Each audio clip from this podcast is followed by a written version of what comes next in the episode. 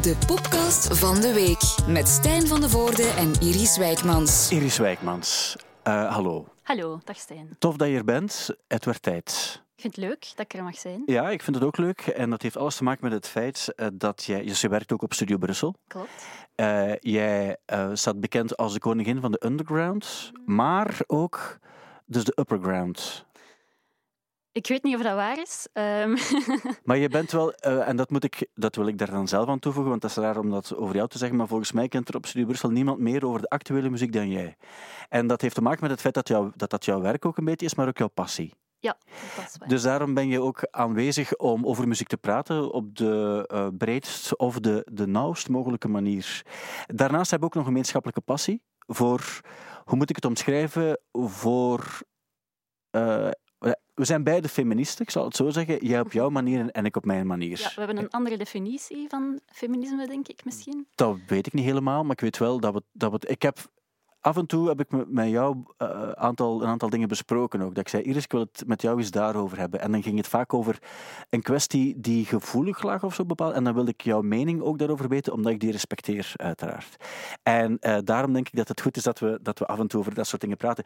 Niet omdat je nu toevallig een vrouw bent, want dat doet er niet toe. Dat is echt super toevallig. Dat is, uh, dat is toevallig. Maar ja, je moet een van de twee zijn, man of vrouw, of x. Een van de drie moet, ik, moet tegenwoordig zijn. Tegen, het klinkt als goed als mensen zeggen tegenwoordig moet je dat zeggen. Zo bedoel ik het natuurlijk niet. Maar goed, we gaan over muziek praten. Dat is het belangrijkste. Ik wil eerst zelf iets vertellen. Um, eh, 62% van de fysieke muziekverkoop, dat is vinyl tegenwoordig. En dat is voor het eerst. Dus dat er meer vinyl verkocht wordt eh, dan cd's. Snap je dat? Ergens wel. Ik heb het ook gelezen en ik vond het altijd heel gek dat er mensen nog cd's kopen. Ja, waarom?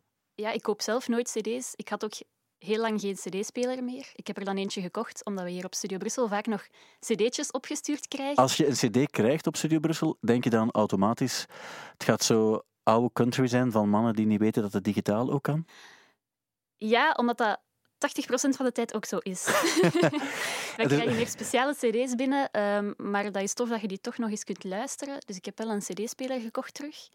Um, maar toch ken ik niemand, behalve misschien mijn ouders nog, cd's kopen. Maar ik, dus ik iets, vond het al speciaal. Maar ik moet iets zeggen ook, want jij bent iets, iets jonger hè, dan, ja, 25. Ik. Je bent 25. Ik ben 30 plus sowieso. Um, ik weet nog, dus ik kocht vroeger veel cd's. Ik gaf mijn zakgeld aan cd's. Dus het eerste ding dat ik gekocht heb, uh, dat, waren, dat waren cd's. En um, daarom is een cd voor mij lang nog iets magisch geweest ook wel. Omdat ik dacht van, cd, ik gaf daar vroeger 700 frank aan. En dat was met mijn zakgeld, dus dat ging over verschillende weken tot maanden voordat ik dan een cd kocht. En um, nu is dat eigenlijk een soort van een wegwerpproduct, wat ik ook snap. Ik heb, ik heb nog cd's thuis in kasten liggen, omdat ik denk van, ik kan het niet weggooien. Maar ik koop geen cd's meer, ik koop wel nog vinylplaten. Dus ik snap het gegeven ook wel. Wat ik niet helemaal snap, en dan vroeg ik me af hoe dat bij jou zit dan, Um, koop, je van, koop je vinyl? In ja. tijden van Spotify en zo? Uh, ja, toch wel. Omdat ik dat heel leuk vind om die fysiek te hebben. Mm -hmm. Maar ik merk wel dat ik um, vooral zo van die leuke sfeerplaten voor s'avonds koop. Ja. Um, dus ja, zo meer de energieke dingen of zo elektronische dance of al, al die dingen. Als ik daar iets leuk in vind, luister ik dat vooral op Spotify. Maar als het zo echt van die platen zijn dat ik denk, ik kom thuis en ik kan daar mee tot rust komen, dan ga ik die fysiek wel kopen. Ja. Ik denk ook soms, ik had zo onlangs Helmet bijvoorbeeld opnieuw gekocht op vinyl. Dan ik dacht van, ja, maar ik, dat is niet de muziek waar ik naar ga luisteren uh, op, op een platenspeler. Maar goed, het is zo, ik laat me ook heel makkelijk uh, verleiden door gekleurde vinyl. Dan denk ik van, waarom? Want ik heb die al en dan wordt die opnieuw uitgebracht in het groen. En dan denk ik van, waarom zou ik die opnieuw kopen? En dan denk ik van, ja, omdat ik hem graag wil. Snap je dat concept? Zo ben ik iets minder. Ja. Ik laat mij niet echt verleiden tot zo speciale uitgaven. Of ja. Mij maakt het niet zoveel uit of een vinyl nu zwart is of, of zo in groene uitgave. Dat is altijd wel leuk. Ik vind dat wel speciaal. Zeker om, ja, als je dan fysiek iets hebt, is het leuk dat er iets speciaal aan is. Maar ja, daar ben ik iets minder mee bezig. Ik denk vaak bij een vinyl, als hij in een andere kleur bestaat dan zwart, dan wil ik hem liever. Terwijl ik dan ook denk van misschien is het racistisch om zoiets uh, te zeggen. Dat weet ik nu niet, maar nee. um, ik snap wel dat als er iets specialer aan is, is het leuker om dat fysiek echt in je kast te hebben liggen, denk ja. ik. Dan begin volgende maand, begin oktober, komt de nieuwe Sufjan Stevens uit. En dat is voor mij een goed voorbeeld. Ik had die dan ook al besteld in, in verschillende kleuren. Mm.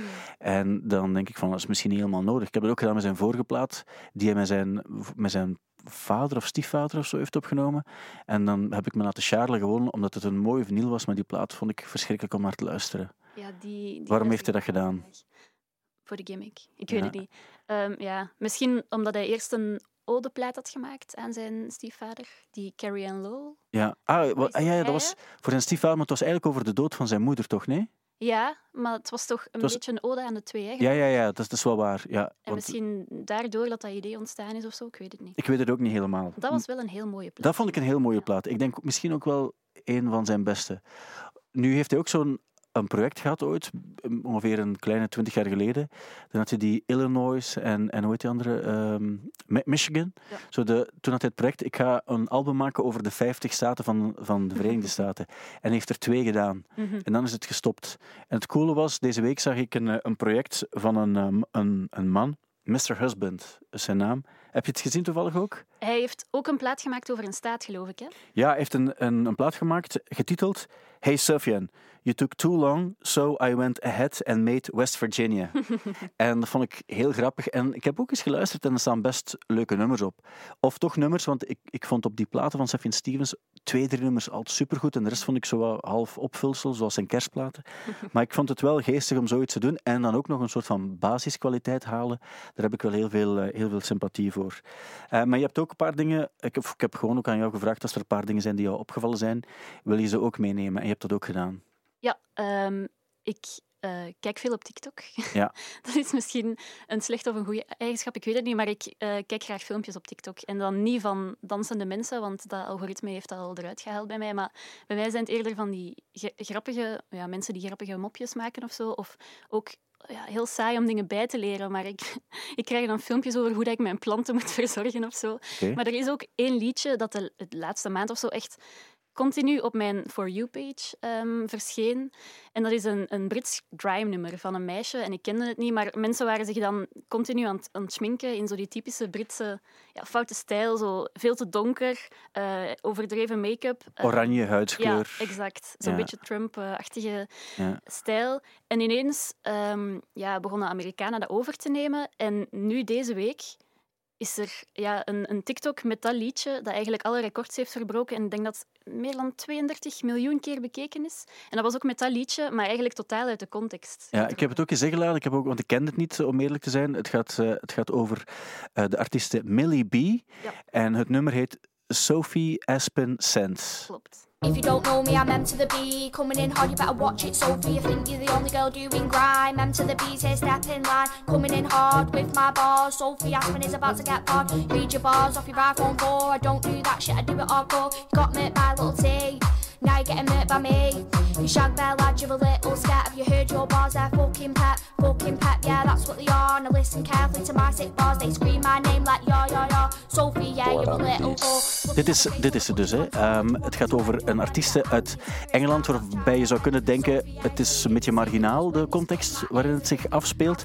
Maar als je het hoort, kan je niet zeggen dat, dat het slecht is. Het is alleen als je, als je het vergelijkt met de mannelijke grime-artiesten die een soort van, van eh, arrogantie, eh, misschien gepaste arrogantie uitstralen. Zij heeft dat hier niet helemaal. Hè. Nee, als je naar de tekst luistert wel. Ja. Ze- het is eigenlijk een, een disnummer Ja. naar een andere... Of een vriendin.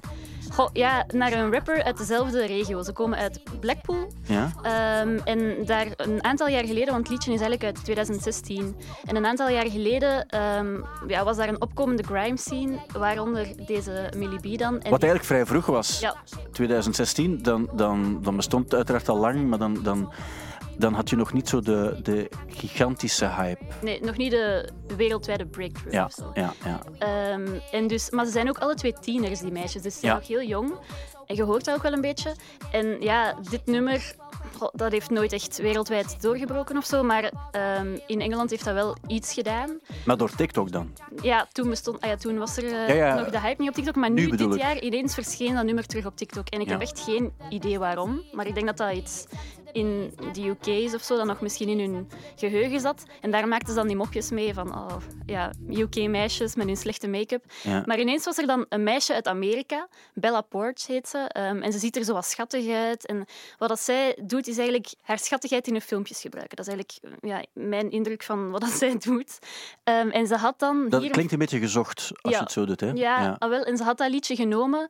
En dan eigenlijk, het enige wat ze doet, is haar gezicht filmen en zo wat gekke gezichten trekken. Zo'n beetje Ja, schattig. Kan ik niet zo goed tegen, tegen zo'n dingen. Ah, wel, dat was het enige wat ze deed. En die TikTok met dat liedje is dus viraal gegaan, maar tot, tot op het moment dat dat nu het meest bekeken filmpje is op TikTok ooit. Ja. Wat heel raar is eigenlijk, omdat het liedje is compleet uit de context getrokken. Ik zag ook superveel mensen uit de UK dan boos zijn van je snapt, je snapt niet waarover dit gaat, je bent helemaal niet mee. Ehm, maar ik vond het eigenlijk een supergoed voorbeeld van hoe dat TikTok eigenlijk al die liedjes ja, samengooit en mensen maken daar dingen mee en ineens gebeurt daar iets absurd mee, zoals nu. Ehm, waardoor dat ik het ook wel heb leren kennen. Ja. En dat je ook plots gefascineerd... Want ik, je, je had het mij doorgestuurd en ik keek dan ook naar de clip. En het viel me op dat ik ergens dacht van... het is zo, hè, die, die, ze doen het zo ongemakkelijk en, en is het een soort van eindproject voor school of zo. Anderzijds dacht ik van, het is wel nog catchy. De clip erbij, die hoorde dan ook wel in dezelfde sfeer thuis van de s- halve marginaliteit. Anderzijds, ze hebben het wel gemaakt. Ze hebben het wel gedaan. Ja, ze dat zit vond ik- eigenlijk zo in, in een KFC gewoon frietjes te Ja. eten of in een, in een supermarkt eh, waar eh, ja, rond te lopen en wat producten uit de rekken te halen. Dat is het eigenlijk, dat is de clip. Wat ook wel cool is, want dat is het dagelijkse leven en dat is dan wat, we, wat je in clips ook meer wil zien in plaats van de, de bling-bling die misschien in Blackpool niet 100% realistisch is. En daarnaast heb ik ook dan gezien dat er een andere clip was waarbij de twee, dus dit dit is een diss track voor eh, eh, So- Sophie Sophie Espen. En dan hebben ze daarna ook een nieuw nummer gemaakt, maar samen dan, waarbij het zo half goed gemaakt was. En dat klinkt dan weer zo. De strijkers die volgens mij gratis bij een of ander softwarepakket te krijgen zijn. Maar we kunnen ermee lachen, maar het had wel iets op een of andere manier. Ja, Saspin. Smilly B. Yo.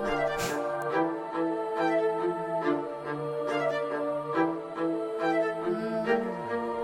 Gonna go get your big brother? So yeah, who's that? He's Aspin, yeah, we're back. Man, we're fat. Millie, come link me fast. That boy, what you know about that? So boy, yeah, he's that. He's Aspin, yeah, we're back. Man, we're fat. Millie, come link me fast. That boy, what you know about that? Kan je de vrouwelijke Dizzy Rascals noemen? Misschien niet. Maar het heeft wel iets. Maar het is wel wat je vertelt over die... Want ik wist niet dat je op TikTok zat, eh, trouwens. ja ik, ik doe daar zelf niks. Ik kijk Nee. eigenlijk gewoon filmpjes. Ja, ik maak maar zelf geen nu, dit wat vind je van het hele ding, en nu, nu we het er toch over hebben, dat TikTok zo belangrijk is voor de muziekindustrie? Waarbij mensen ook gaan zeggen, ja, maar het is eh, eh, eigenlijk een soort van indicator ook voor radiozenders. Ze houden TikTok in de gaten, want daar gebeurt het nu ook. En ehm, ik vroeg me af, hoe is het dan hier bij ons? Want ik weet het eigenlijk helemaal niet. Wij houden dat ook wel in de gaten, maar ik heb het gevoel dat de muziek die op TikTok het echt goed doet, dat dat, zeker de hedendaagse muziek, dat dat minder Studio Brussel Ja, is. dat denk ik ook. Hoewel, het valt me wel op, ik weet dat dan van mijn dochter, die 14 is, dat zij wel naar eh, dingen soms zit te luisteren waarbij ik niet snap dat ze het kent ook. Mac DiMarco en soort Ja. dingen, is super populair op TikTok. En dan denk ik van, maakt niet uit naar wat je luistert, als je het maar goed vindt. Maar het is wel cool dat er af en toe ook dingen bij zitten die zo iets meer zijn dan gewoon de, de poppiness. En dat vind ik ook super gek, want ja, bij, de, bij de hedendaagse liedjes is het natuurlijk logisch. Daar zit een heel team achter en die bedenken dan, oké, hoe gaan we dat populair maken op TikTok? En ze verzinnen een challenge. Maar die oudere liedjes, zoals het liedje van Mac DeMarco of die Break My Stride of zo, hoe dat die dan ineens terechtkomen op TikTok, dat vind ik echt absurd. Hoe dat... Ja, want het zijn vooral tieners en, en kinderen die eigenlijk op TikTok zitten, toch zeker in België. En dan vraag ik mij echt af, hoe komen die, die nu bij die muziek? Ja. Eigenlijk zou je bij bepaalde nummers, neem nu Mac DiMarco bijvoorbeeld, moeten, af- moeten helemaal teruggaan. Bij, bij wie is het gestart? Want, iemand, want die doen dat ook vaak. Die nemen gewoon iets, de, zelfs de audio kopiëren ze gewoon van elkaar. En dan doen ze vaak een gelijkaardig ding daarop ook. Eh, wat het dan niet altijd origineler maakt, met een bezigheid zoals een andere. Eh, maar die verspreiding van muziek vind ik nog altijd wel spectaculair. Ik heb zelf geen TikTok-account en ik vind ook...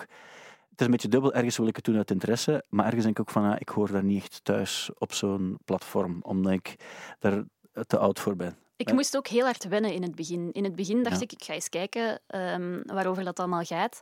En toen viel mij op, ja, zeker als het algoritme je voorkeuren nog niet goed kent of zo, je krijgt gewoon de meest populaire dingen op je For You-page. En het viel mij op, dat waren gewoon de hele tijd mannen in een ontblote borstkas en heel knappe meisjes met veel make-up. En ik dacht, "Wa- wat is dit? Ik, ik, snapte, Dat is gewoon- ik snapte het niet. Dat is gewoon eigenlijk wat TikTok bepaalde dat je leuk vond. Daar beginnen ze altijd mee. Dat Ja. zijn de populaire filmpjes. Ja. En dan, naar gelang dat ik meer dingen keek, leert dat kennen wat dat je leuk vindt. Bijvoorbeeld, ik kijk nooit van die dansjes uit. Dus nu krijg ik geen dansjes meer op mijn pagina's. Nee. Maar ja, dat is wel... Ik vond dat gewoon een hele shock. Dan dacht ik van, oei, al die kindjes Ja. kijken hiernaar. Die kijken daarnaar. Maar goed, als ze daar die zien, zien, ze het eh, vast wel ergens anders. Dus dat, eh, hoort er ook een beetje bij. Heb je iets gehoord over die hip-hop eh, memorabilia die verkocht zijn bij Sotheby's? Ja, de kroon van Biggie en zo. Ja, een half Ja. miljoen is ervoor betaald. En ik was over aan het nadenken, snap ik zoiets? Dat, dat er een half miljoen voor betaald wordt. En na lang nadenken dacht ik van, oké, ik snap het wel. Waarom het is gebeurd. Dus de kroon kostte zelf 6 dollar. En ze is uiteindelijk dan verkocht voor ja, een, een, ruwe, een ruw half miljoen euro. Ehm, en toen dacht ik, waarom niet? Ja, ehm, ik heb het ook gelezen en ik vond het ook wel interessant. Ik dacht ook, ja, niemand gaat daar 6 dollar aan geven. Maar ik vroeg mij gewoon af hoe. Want dat is eigenlijk gewoon een stomme plastieke kroon uit eender welke winkel. En dan dacht ik, ja, hoe zijt je nu zo zeker dat je betaalt voor wat je krijgt of zo? Ja. Maar is het ook niet zo dat een schilderij ook maar een doek is met verf op? Dat is waar. En dat is natuurlijk eh, niet helemaal juist wat ik zeg, want dat is wel mooi, mooi getekend en op een unieke manier weergegeven. Maar het is maar de waarde die, die je eraan geeft. En ik denk, er worden zoveel dingen verkocht als je het zou bekijken. Ehm, als je gaat eten in een fancy restaurant, betaal je ook als je de ingrediënten gaat. Maar het is het verhaal dat er, dat er rondhangt dan. En dan denk ik ook van, ja, ik ben zo ooit eh, voor, voor de reeks die we gemaakt hebben, die Rock'n'Roll High School, naar de Rock'n'Roll Hall of Fame geweest. En dan viel, het mij toch op dat als ik wist van, dit zijn de snaren waarmee dit nummer is gespeeld, of dit is de broek die die, die persoon droeg eh, op de cover van die plaat, dat ik zo onder de indruk kon zijn dat het eh, dat, dat, dat exact dat dat die broek was. En dan denk ik van, ja, waarom ook niet die kroon dan? Ik heb min- minder met Biggie, maar ik snap het concept wel. Ik snap ook vooral, het, is, het was zijn laatste fotoshoot voor hij eh, neergeschoten werd. Ja. had ik begrepen. ehm, wat het wel iets waardevoller maakt. Ja. Ehm, wat ik ook wel gek vond, was tijdens die veiling zijn er ook brieven van Tupac verkocht. Ja. Liefdesbrieven van toen hij eh, ja, in het middelbaar zat. Ja. En dat vond ik eigenlijk nog vreemder dan die kroon, omdat het is volgens mij... Ja, dat, dat- ik vond dat gewoon raar. Dat is zo privé en zo persoonlijk. En ineens krijgt iemand die Tupac waarschijnlijk nog nooit persoonlijk gekend heeft, brieven in de hand die je als tiener, wat ook een gekke periode is waar je sowieso super rare dingen schrijft in die brieven, ineens krijgt iemand dat in zijn handen voor wat geld. Ja. Ik vond dat eigenlijk heel raar. Dat is volgens mij als artiest ook gek om te beseffen dat als je dood bent, al die dingen, die, al je persoonlijke dingen kunnen ineens in, in andere mensen hun handen vallen. En voor veel geld verkocht Ja. worden. Want waarschijnlijk de persoon die, die zoiets koopt, ik kan me niet voorstellen dat, dat, dat hij zoiets gekocht heeft om ze te lezen, maar gewoon om het tot een soort van, ja, in een, in een kluis te bewaren. En, want ja, bij wie komt het terecht? Niet noodzakelijk bij iemand die het gaat tentoonstellen. Dat gaat vaak zo nog in, in privé-dingen gaan ook. Maar het is wel waar wat je zegt. Als je sterft, dan een liedjestekst is iets anders, want dan ben je, van, ben je klaar om te delen. Maar dat is anders misschien bij, bij van die eh, liefdesbrieven. Wat ook verkocht werd, was een, een Jam jasje. En ehm, dat is dan een van de eerste hip-hop labels die het goed gedaan hebben. En ik las ook onder een of andere, het was op een of andere blog of zo dat het erover ging. En het ging ook over het jasje en dat er eigenlijk te weinig voor betaald was omdat het zo belangrijk was. En toen zag ik iets, eh, iets staan, ehm, gelinkt ook aan The Keepers. Ken je dat hip-hop project waar ze nu mee bezig zijn? Rond de betekenis van vrouwen in de hip-hop. En ehm, toen werd er ook gezegd van, ja, maar kijk, een nummer als Rapper's Delight bijvoorbeeld, van eh, Sugar Hill Gang of The Message van Grandmaster Flash, zijn twee nummers die uitgekomen zijn bij Sugar Hill Records van Sylvia Robinson. En zij was eigenlijk de, de eerste echte belangrijke persoon in, eh, in de hip-hop, waar ook de eerste twee belangrijke hits, commerciële hits, eh, op uitgekomen zijn, dus binnen de hip-hop. En dat is dus een, een vrouw die niemand kent, terwijl Rick Rubin van Def Jam of die Russell Simmons, die kennen we allemaal. En dat vond ik interessant. En daar gaat, daar gaat het, het project van de Keepers over. Eh, Het is blijkbaar Naas die gezegd heeft tegen Akua Naru, Van, werk eens een, je mag twee jaar gaan studeren en, en zoiets iets uitwerken eh, op mijn kosten. En dan maak je een project waarbij vrouwen in hip-hop, die er vroeger blijkbaar meer waren in de jaren 80 en in de jaren 90 dan nu, toch bij grote platenfirma's, dat we dat op een juiste manier archiveren. Mhm. En ik dacht, ah, wel ja, daar had ik zelf niet over nagedacht en ik wist het ook niet. Ik, had nog nooit iets over haar gehoord. Ik had het artikel ook gelezen en ik wist het eigenlijk ook niet. Nee. Ja, het is goed Ja. dat ze ermee bezig zijn, maar ik dacht ook altijd, hoe komt het dan dat er... ehm, nu heb je dat iets meer zo, maar eh, het, is, het, is wel, het blijft wel een genre op dit ogenblik dat gewoon niet zo... Heb, Niet Bij zo vrouwvriendelijk. Of, ja, nee, vrouwvriendelijk, dat, dat maakt niet zoveel uit. Net zoals het ook niet manvriendelijk moet zijn. Mhm. Allee, neem nu de, de web bijvoorbeeld. Dat is een, een voorbeeld dat nu al, al heel veel eh, besproken is ook. En ik denk ook van, het maakt niet uit waar het over gaat. En het mag van mij over alles gaan. Maar de vraag is, is het goed gedaan? Dat is dan iets anders zo. Net zoals ik ongeveer ook 80% van de hip-hop qua tekst enzovoort ook echt niet goed vind. In Belgische hip-hop helemaal al niet sowieso. Ehm, maar dan denk ik van ja, dat is toch het enige waar het echt om gaat. Is het goed of niet? daar dan zou het eigenlijk om moeten gaan. Hè? ja, Maar dat is nu het probleem wat wel duidelijk werd, ook weer met die web.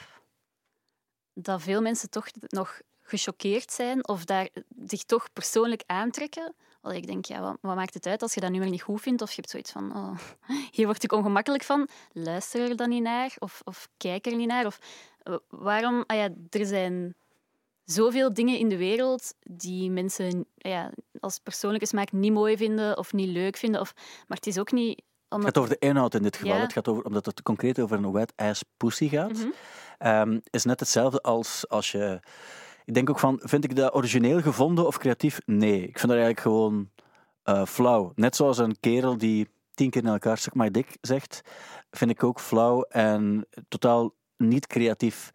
Maar is het, is het dan zoiets van, oh, mag ik daar... Daar gaat het ook niet om. Het is gewoon, het is gewoon niet origineel. Dat vind ik storender dan, dan het onderwerp op zich. Dat is, dat, is het, dat is voor mij veel erger. En, maar daar gaat het eigenlijk nooit over in de, in de discussie. En dat moet ook niet, hè? maar dat is, het, dat is wat ik altijd denk. Dat, dat is zoals een van de dingen die erbij gesleurd werden deze week. En ik volg het ook wel. Het ging over het feit: mag je als blanke niggen zeggen? Wat ik nu eigenlijk letterlijk gedaan Ja. heb. En ik dacht toen ook: eh, ja, ik, ga, ik doe het niet, want ik zou niet weten tegen wie ik het moet zeggen. En je weet ook dat het dan een woord is dat bij sommige mensen gevoelig ligt als je het wel doet. Maar ik vraag me dan af, waarom is het dan zo gevoelig? Los van, ik ken, de historische verhalen van de slavernij en zo uiteraard wel. Maar ik denk in dit geval, waarom ga je het zelf twintig keer in een nummer stoppen en word je kwaad als iemand anders het dan, dan eh, als, of als een blanke het dan doet en zegt van, het is een, nee, het is een woord dat kwetsend is als je het als blanke zegt, maar wij mogen het wel twintig keer een nummer zeggen, dan denk ik van, het zal allemaal wel, maar het is onzin. Ehm, Ik vroeg me af wat jij ervan denkt, omdat, Ja. omdat jouw, jouw kompas, jouw moreel kompas, groter is en interessanter is dan dat van mij. Goh, Dat weet ik niet zo. Ik denk vooral dat het in deze situatie er niet toe doet wat ik vind als wit persoon. Ehm, er zijn verschillende dingen waarover dat ik mijn mening kan geven, maar ik heb in deze situatie, ah ja, als be- bepaalde mensen aangeven dit is kwetsend en gebruik het niet, dan heb ik ook zoiets van... Het is ook niet dat dat allemaal in onze woordenschat al zat. Het is niet een woord, een woord dat we moeten schrappen en van oei, het zat... eh, ja, in mijn automatisme en nu moet ik het eruit halen. Dat is totaal niet waar. En als, ik denk ook gewoon, in deze situatie doet mijn mening er niet toe. En het is maar een woord. Maar onze mening doet er eigenlijk nooit toe, omdat, who cares wat wij denken. Ehm, maar ergens ook wel. En ik, ik denk ook wel, ik snap ook, ik, ik hoef het woord niet te gebruiken ook zo, maar het is vaak ook wel zo wat vermoeiend. Van, denk eraan eh, dat het woord niggen door ons gebruikt mag worden. Maar niet dan denk ik van, oké, het is goed, ik ga het niet gebruiken, het is prima, maar het is, het is ergens slaat het ook op niet zoveel. Dat, dat, is, dat is hetgeen wat ik er altijd bedenk. En dan denk ik ook aan twee jaar geleden, toen Kendrick Lamar had zo'n meisje mee op het, op het podium en zij mocht een, een, een stuk mee rappen, Mhm. waarin het woord niggen voorkwam, Ah. een paar keer of twee keer. En eh, toen was boe, want je hebt het woord gezegd en zei van, ah, maar dat woord mag je niet zeggen. Ik denk van ja, je weet, als je dat meisje dat laat doen, gaat dat woord komen. En dan moet je er ook niet flauw over doen ehm, als zo een meisje dat betaald heeft en jou interessant vindt, jouw teksten kent, dus heel veel respect heeft voor jouw werk. Dan denk ik van ja, nee, nu zijn we, nu zijn we aan het overdrijven. Dan gaan we het te ver doortrekken. Dat was mijn gevoel daarbij. Ja, Ik denk gewoon als een groep mensen aangeeft dit is kwetsend, Ja. gebruik het niet, dan denk ik ja, luister dan gewoon naar die personen. Ja, Als- maar daar ben ik het mee eens. Hoor. Ik ben, ik ben het er op zich wel mee eens. En ik, maar ik snap wel wat je bedoelt, dat als het een lyric is van een nummer, is het dan vervelend dat een bepaalde helft eh, van de mensen dan ineens dat woord eruit moet bliepen of zo. Als het... Ja. Maar Het ging, Ja. het ging zelfs over, want iemand had gereageerd en dat was dan een andere discussie. Het was op Reddit dan, denk ik. Ja, maar wacht. Wil dat dan zeggen, als ik naar een concert ga en ga naar een concert van Kendrick Lamar, dan ga je zien dat 80% bij ons blank is. Wil dat dan zeggen, als we de nummers meezingen, wat voor mij tijdens een concert hoeft er niemand mee te zingen. eh, behalve bij Don't Look Back in Anger. Eh, maar niemand hoeft mee te zingen, want dat kan storend zijn. Nee, dat is niet waar. Het is voor de sfeer soms heel tof. Maar wil dat dan zeggen dat bepaalde woorden dan door 80% van de mensen die daar dan zijn, eh, mogen die dat dan niet doen, terwijl de, de mensen met een donkere huidskleur mogen dat dan wel doen. ja. Ja, ik vind, eh, voor mij is het zo simpel als dat eigenlijk. Ja. Ja, het is ook niet dat dit nu een wereldprobleem is waar dat... Nee, nee, zeker niet. Maar het, gaat wel over, over iets muzikaal, dat, wat eigenlijk... Ga naar, naar, naar, eh, ja, ga naar Pukkelpop, waar, waar al eens een, regelmatig een, een, een, een headliner staat binnen de hip-hop. Dan weet je dat, ja... dat, Al is wat, het gaat over iets onnozel. Ik weet het ook wel, hè, maar ik denk ook van ja, dan kan je het ook zo ver pushen als je, als je wil. En je wil uiteraard niets doen, want nogmaals, ik weet wat erachter zit en daar gaat het uiteraard ook echt om. Maar als je het zelf zo vaak in muziek gebruikt en gaat het spelen voor een breed publiek, dan weet je dat, dat het woord zal vallen, ook bij, bij iedereen. En dan denk ik van, so be it. Maar dat ligt misschien aan mij. Ik wil graag iets... eh, eh, ik heb het net opgezocht ook. Ken je eh eh, Leake Valley? Nee. Het is ook op zich niet mega bekend, maar hij, heeft een, een, eh, een, hij is zelf een, een zwarte medemens. En hij heeft een, eh, nummer gemaakt over die specifieke problematiek. En dat gaat zo. Let the white kid say nigga. Uh, let the white kid say nigga. Uh, let the white kid say nigga. Yeah. Let the white kid say nigga. They probably gon' say it anyway. They already say it every day. White girls ain't tripping, boo. White man be my nigga too. Let the white kid say nigga. Uh, let the white kid say nigga. Uh, let the white kid say nigga. Let the white kid say nigga. They probably gon' say it anyway. They already say it every day. White girls I ain't tripping, boo. White man be my nigga too. I don't fight hate with hate. No. Keep the hate out my face. Face. People be so amazed Why? by what I'm about to say. Okay. Everybody is a nigga. what? White, black, yellow, brown. Really? Skin color don't matter. What? You can still be down. down. I ain't never been racist. Yeah. Ik, vond het, ik dacht eerst dat het om te lachen was, het nummer zo. Maar eigenlijk alles wat hij zegt, ik dacht, ik dacht van... Het is eigenlijk super slim gemaakt. En ik had ook zo het gevoel van, ja, hij, hij snapt het soms iets, iets beter. Zo, want ik kan elk woord zeggen met een soort van haatgevoel. Of met een oprecht eh, menselijk ding zo. En... ehm, het, het, het, het, het nummer is minder oppervlakkig dan het zou lijken. Dus ik wil het graag aan iedereen aanraden. Eh, Let the White Kid Say Nigga van Leake Valley. Weet dat er zeiden, ik wil het gewoon eens laten horen ook nog. Ehm, ja, je had nog iets anders meegenomen, wat ik ook wel interessant vond. Ik wil het dadelijk graag horen, maar nu, ik, mag, heb je Travis Scott ook gezien eh, in zijn ehm, McDonald's outfit? Ehm, ik heb het zien passeren, maar ik heb de foto niet gezien. Ah, wacht, ik wil graag dit nog even laten horen dan.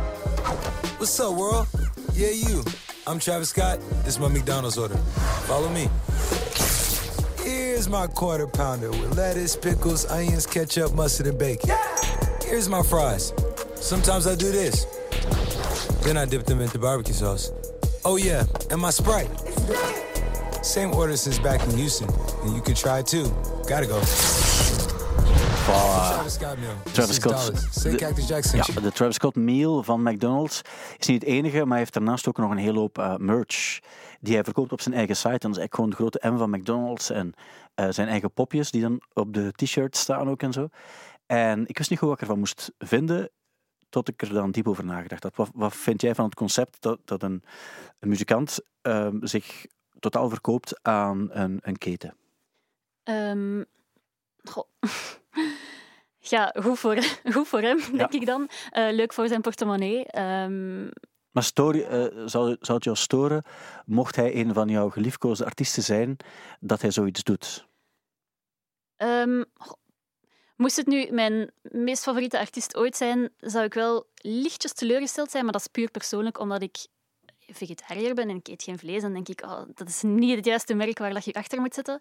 En ook Ehm, ja, dat is niet het meest gezonde merk voor mensen of zo, maar dat vind ik iets minder storend, omdat, ja... Bij McDonald's zeggen ze zelf, ja, maar McDonald's is wel gezond, maar niet als je het elke dag eet.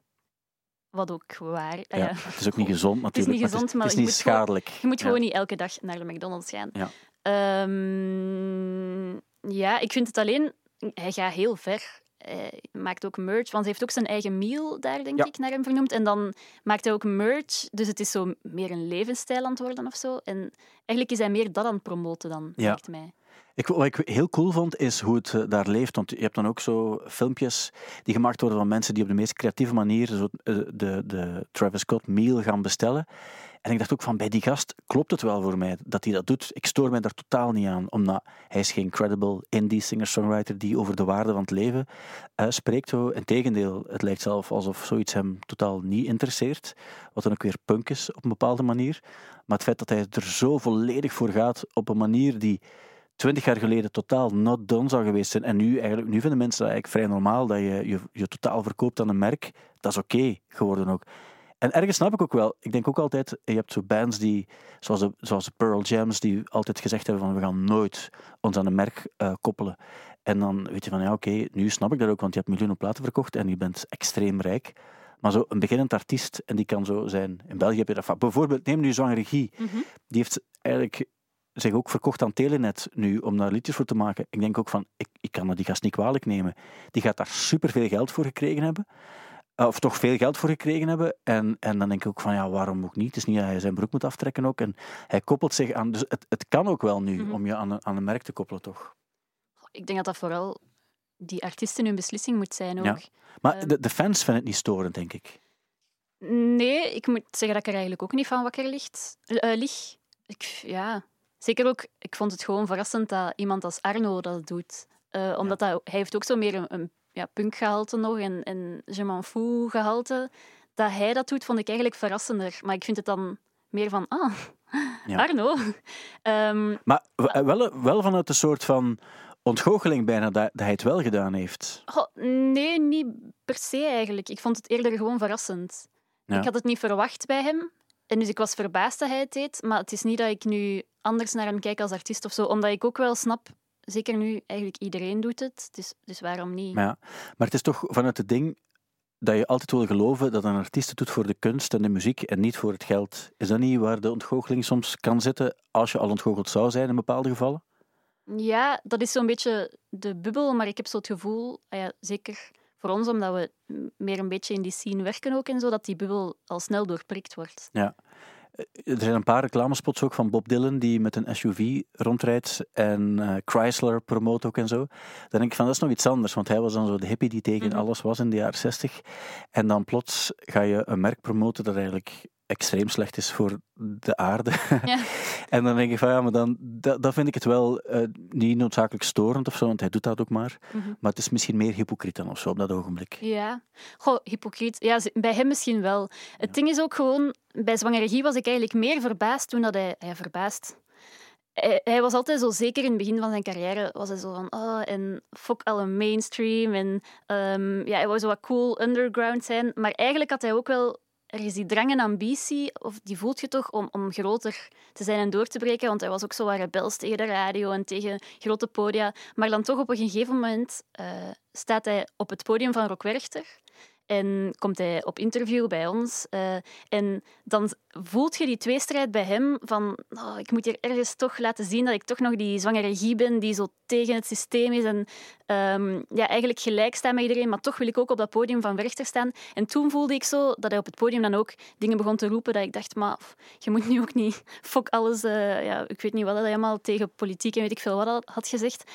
Daar had ik meer het gevoel van, maar je moogt ambitieus zijn en je moogt dromen hebben om op, een groot podium te staan. En dat is oké, je moogt dat ook toegeven. Ja. Daar had ik toen meer een gevoel van...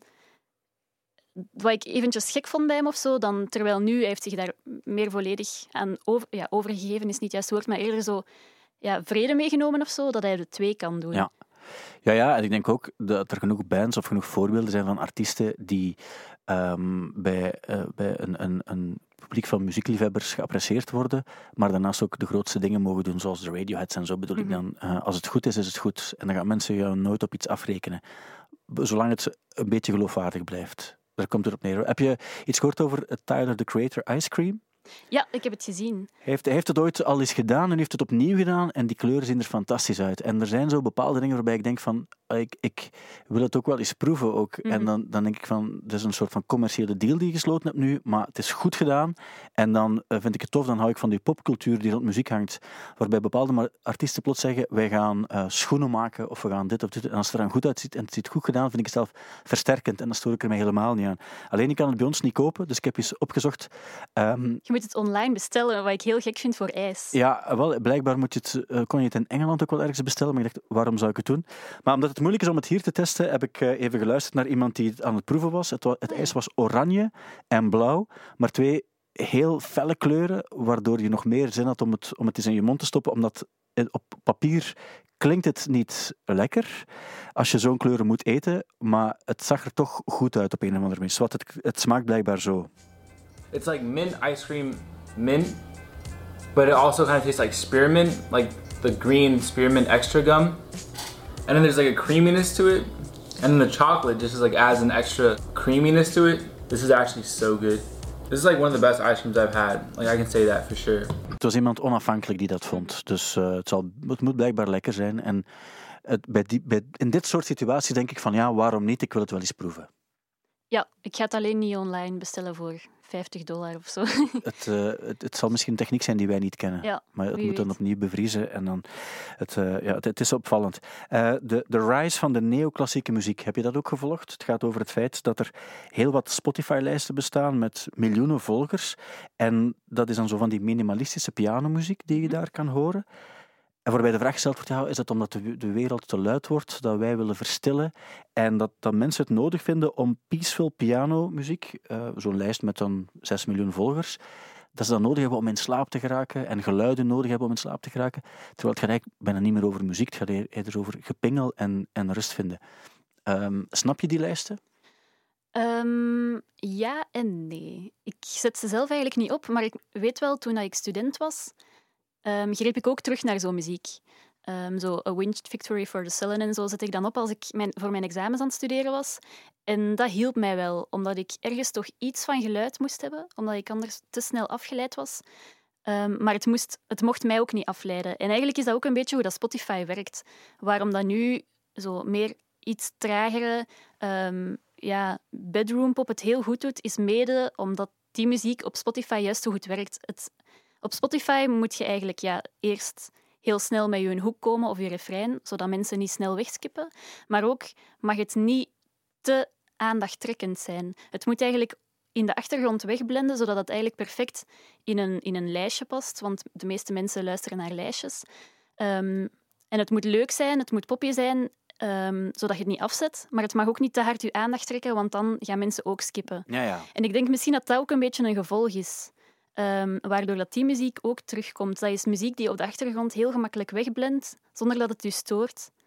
Ehm, maar je gaat het ook niet afzetten als je bezig bent. Of zo. Dus eigenlijk, je, je hebt een stroom van geluid nodig die niet storend is en ook iets melodieus heeft toch op een of andere manier. Maar het, het moet eigenlijk niet zijn, lijkt me moeilijk om te maken. Muziek maken die eigenlijk niets is. Ja. Omdat mensen niets, niets willen ook, heel concreet. Eh, ja, in, in bepaalde situaties wel. En ik denk dat die lijstjes misschien heel populair zijn als mensen aan het werken zijn of aan het studeren of als je gefocust moet zijn of zo. En dan snap ik ergens wel dat die muziek je kan helpen. Ja. Je zal maar muziek moeten maken en daarmee rekening moeten houden. Het is niet Ja. altijd simpel, hè? Nee. Niet iedereen doet het ook. En dan hoorde je ook, jij vertelde het ook nog, dat er een kans bestaat dat er geen, was het Facebook Live meer bestaat? Ja, klopt. Ehm, ik zag onlangs passeren dat ehm, ja, Facebook heeft na de hele lockdown en dat iedereen ja, DJ-sets online begon te smijten en zo, dat was dan ja, problemen met rechten van muziek en zo. En ze hadden gepost nu dat... Wacht, ik ga het even aflezen. Ja, ja. Je mag geen listening, eh, music listening experience meer houden vanaf oktober. Wat dus eigenlijk betekent dat een DJ geen livestream meer mag doen waar dat die plaatjes draait. Of, zo had ik toch ook begrepen, een band mag eigenlijk ook geen Facebook Live concert meer doen. Dat is wel heavy, want ik denk dat heel veel bands het gevoel hadden, op die manier bestaan we nog. Ja, En zeker nu, stilletjes aan, mogen bands toch al spelen, maar toch niet veel. Mhm. En ook voor DJ's, die hebben nu, ja, er zijn geen feestjes en zo. Dus dat was nog hun enige manier om zo in contact te blijven met hun fans. En ik moet eerlijk zeggen, ik was na een maand of zo in de lockdown wel alle livestreams beu. Het boeide mij niet meer zo. Maar ik, heb, ik snap wel, zeker voor bands in 2020, is dat wel nog een van de weinige dingen die ze hadden. En dan zag ik ook dat juist ook deze week Spotify had gezegd. Want op Spotify kan je kijken welke concerten dat je favoriete artiesten doen en zo. Ze gaan daar ook de online concerten bij zetten. Dus de online data komen er ook bij.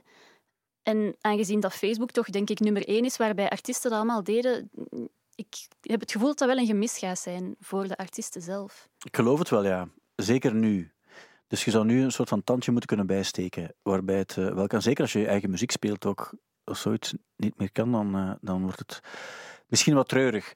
Maar ehm, gelukkig zijn er af en toe nog dingen te vinden en te ontdekken op Spotify ook. Eh, je hebt het ook gedaan, ik heb ook aan jou gevraagd of er een nummer is dat we nu moeten spelen als afsluiter van de, van de podcast. Je hebt erin gevonden, ik had er nog nooit van gehoord. Ehm, en je hebt het wel doorgestuurd, maar ik had het maar diagonaal gelezen, omdat ik dacht van je gaat het nu nog beter uitleggen. Het ging over Haiku Hands. Ja, dat is een band van drie vrouwen. Ja. Ehm, en die zit op het label, label van uh, Tame Impala. Dus het is zo dat ik ze heb leren kennen. Ehm, en die hebben afgelopen vrijdag een, hun eerste plaat uitgebracht. En ik heb die eens geluisterd. Ik had eigenlijk hogere verwachtingen. Ik was niet zo'n supergrote fan. Ehm, maar er staat één liedje op. Het is al een ouder singeltje van hun. Het heet It's Not About You, denk ik. Ja. En eigenlijk is dat zo'n beetje mijn... Het verwoordt wel goed mijn frustratie van de afgelopen ja, weken, of eigenlijk zelfs langer. Ik heb mij de laatste tijd enorm gestoord het heeft eigenlijk niks met muziek te maken, maar online, hoe dat iedereen toch maar zijn mening moet blijven Ja. spuien over alles wat niks met u te maken heeft. Zoals bijvoorbeeld ja, die naaktfoto's, de befaamde naaktfoto's onlangs. Of ook, ja, bijvoorbeeld wij met Studio Brussel gaan in lockdown en iedereen heeft daar wel een mening over. Maar die zijn allemaal heel gemeen.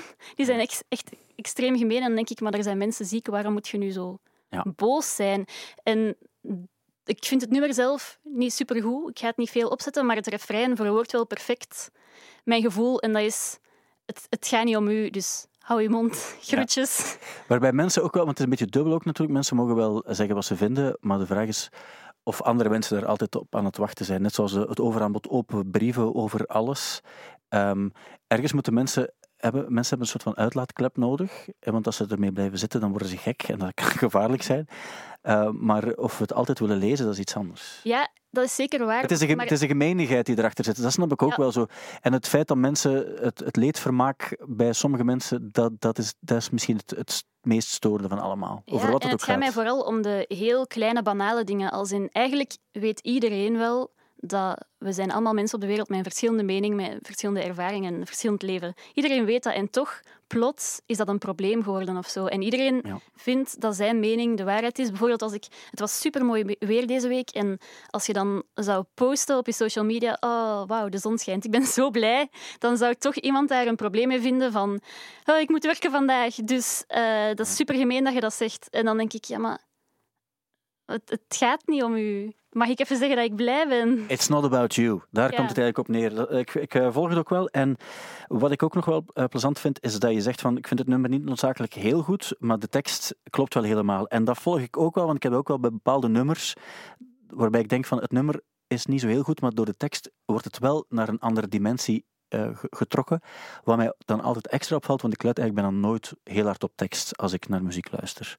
Dus eh, het, kan, het kan wel, en in dit geval zou het een goed voorbeeld zijn. Het is eh, Haiku Hands, een all-female band, Klopt, waarbij ik denk, zo zijn er niet superveel. toch wel. Ja, er zijn er veel, maar die we kennen, die we allemaal kennen, bedoel ik. Hè? Hoeveel? En dat, dat is jammer. Wel ja, dat is jammer. En ehm, ik denk altijd bij een... Wacht, hè, want ik weet dat ik me nu op gevoelig terrein zou kunnen begeven, maar ik denk altijd bij een all- all-female band... Het zeggen is eigenlijk al niet nodig, want je zegt ook geen all-male band. Ja. Maar het feit dat het opvalt dat, een, dat het een all-female band is, doet mij al bijna automatisch denken dat het een soort van Maar gimmick... valt het op? Nee, maar ik had het er met Isolde ook ooit over. En ze zei van, ja, dat, ze heeft het ook ooit gedaan. Ja, zo'n supergroep. een supergroep. Ja. En toen zei ze van ja, achteraf dacht ik van ah, ik had het niet moeten doen, want het was een, een gimmick. Ondanks het feit dat het uiteraard allemaal goede muzikanten zijn die ook nummers kunnen schrijven en zo. Maar je moet het er niet bij zeggen, maar toch zou ik het altijd doen, want het is logisch dat je het erbij zegt, want het valt op. Terwijl bij de Beatles ga je nooit zeggen, het is een, het is een band die volledig uit mannen bestaat. Ja, ik ben het daar niet helemaal mee eens. Op ik welke vind, manier niet? Ik vind niet dat het per se opvalt, of het zou het, ehm, zeker niet nu of zo. Ehm, Want, want wat zijn nog andere all-female bands die we heel vaak spelen op Studio Brussel? bijvoorbeeld Heim. Ja. Ehm, Warpaint is ook een supergoeie. Die spelen we niet zo heel vaak, eh, natuurlijk. Schande. nee, maar ik, ah ja, er, het aandeel al male bands is natuurlijk veel groter. Maar daar zijn duizend en één verklaringen voor die we nu misschien niet allemaal moeten oplijsten, want dan duurt de podcast drie uur. Maar ehm, wel heel interessant en ik vind het gewoon jammer. Maar ik denk ook dat het een... Door het nog eens te benoemen dat het een all-female band is, ben- benadrukt je eigenlijk nog eens dat het speciaal is. Terwijl ik denk, een van de zoveel stappen die we kunnen nemen in meer gelijkheid krijgen in de muziekwereld, is door niet continu de nadruk te leggen op het zijn drie vrouwen die muziek maken. Maar is niet de, de reden waarom we de nadruk erop leggen, zoals ik net ook deed, misschien een klein beetje bewust, maar is net ook omdat het nog altijd iets, eh, iets bijzonder is. Omdat het net nog opvalt, omdat er... Het is ook zo, er zijn er gewoon een pak minder. En volgens mij komt het dan ook door het feit dat vrouwen 30 jaar geleden eh, eigenlijk nauwelijks muziek mochten spelen, want ze zouden ermee uitgelachen worden. Ja, maar ik vind door het te benoemen is precies al zo'n waarschuwing van pas op, het zijn wel vrouwen die het Ah, maken. Nee. En dat vind ik Ik zie het eerder als een fun zo. fact, wat misschien even erg is, maar het feit dat je, eh, dat je het zegt, zorgt ervoor dat je zegt van ah, maar dat is een volledig vrouwelijke band. Dat, dat maken we niet zo heel veel mee op een podium. Ja, ik heb het gevoel dat een van de stappen die we kunnen nemen door alles gelijkwaardiger te krijgen, is om iedereen Normaal over te doen. Ja, Ja. het is normaal dat vrouwen muziek maken en er zijn ontelbaar veel vrouwen die muziek maken. Dus ik vind niet dat we dat per se moeten benoemen. Ja, oké, ik volg het ook wel. Maar ik vind het ook normaal dat vrouwen muziek maken, dat wil ik nog eh, zeggen. Dat is heel goed. En ik, eh, ik heb eigenlijk, maar daar gaan we het op een andere keer ook over hebben. Ik heb eigenlijk nog wel. nog wel ik, heb, ik heb het deze voor, voor de grapjes uitgerekend. eh, als ik, ik koop nog wel veel platen ook. En hoeveel platen van mannen en vrouwen dat ik dan gekocht had. En dat het eigenlijk verrassend was. Hoe gelijk dat bijna was. Ja? maar daar gaan we het op een andere keer over hebben. Eh, we gaan eerst luisteren naar Haiku Hands en It's Not About You.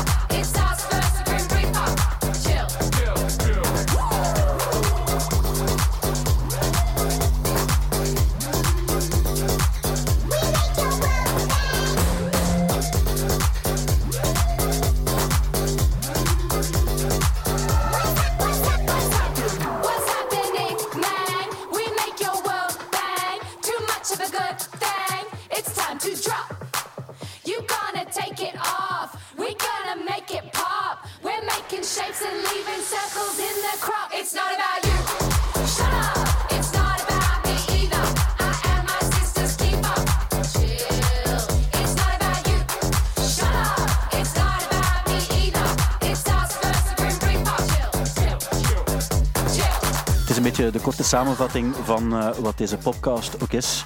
Who cares wat wij vinden over dingen? Chill. Maar we, ik wil niet zeggen dat we af en toe eens niet mogen praten over muziek, want dat is denk ik het beste onderwerp dat er bestaat. Dat is zeker waar. Dit waren trouwens Haiku Hands en It's Not About You. Dankjewel, ik vond het eigenlijk wel een tof nummer. Het deed me ook een beetje denken aan... aan iets, maar ik weet niet meer juist aan, aan wat. Zo haar stem bedoel ik dan. Ehm, nee, ik ga er niet op komen. Totaal onbelangrijk, ook uiteraard, net zoals al de rest. Maar Iris, dankjewel om eh, te praten over muziek. Dank u dat ik mocht komen naar uw podcast. Wil je komende maand terug over dingen komen praten? Ehm, als jij dat ziet zitten, heel graag. Volledig. Dankjewel. Dit was een podcast van Studio Brussel. Vond je hem leuk? Check dan zeker ook onze andere podcasts, zoals 50 Tinten Gras over 50 jaar festivals in Vlaanderen. Nu via stubru.be of je favoriete podcastplatform.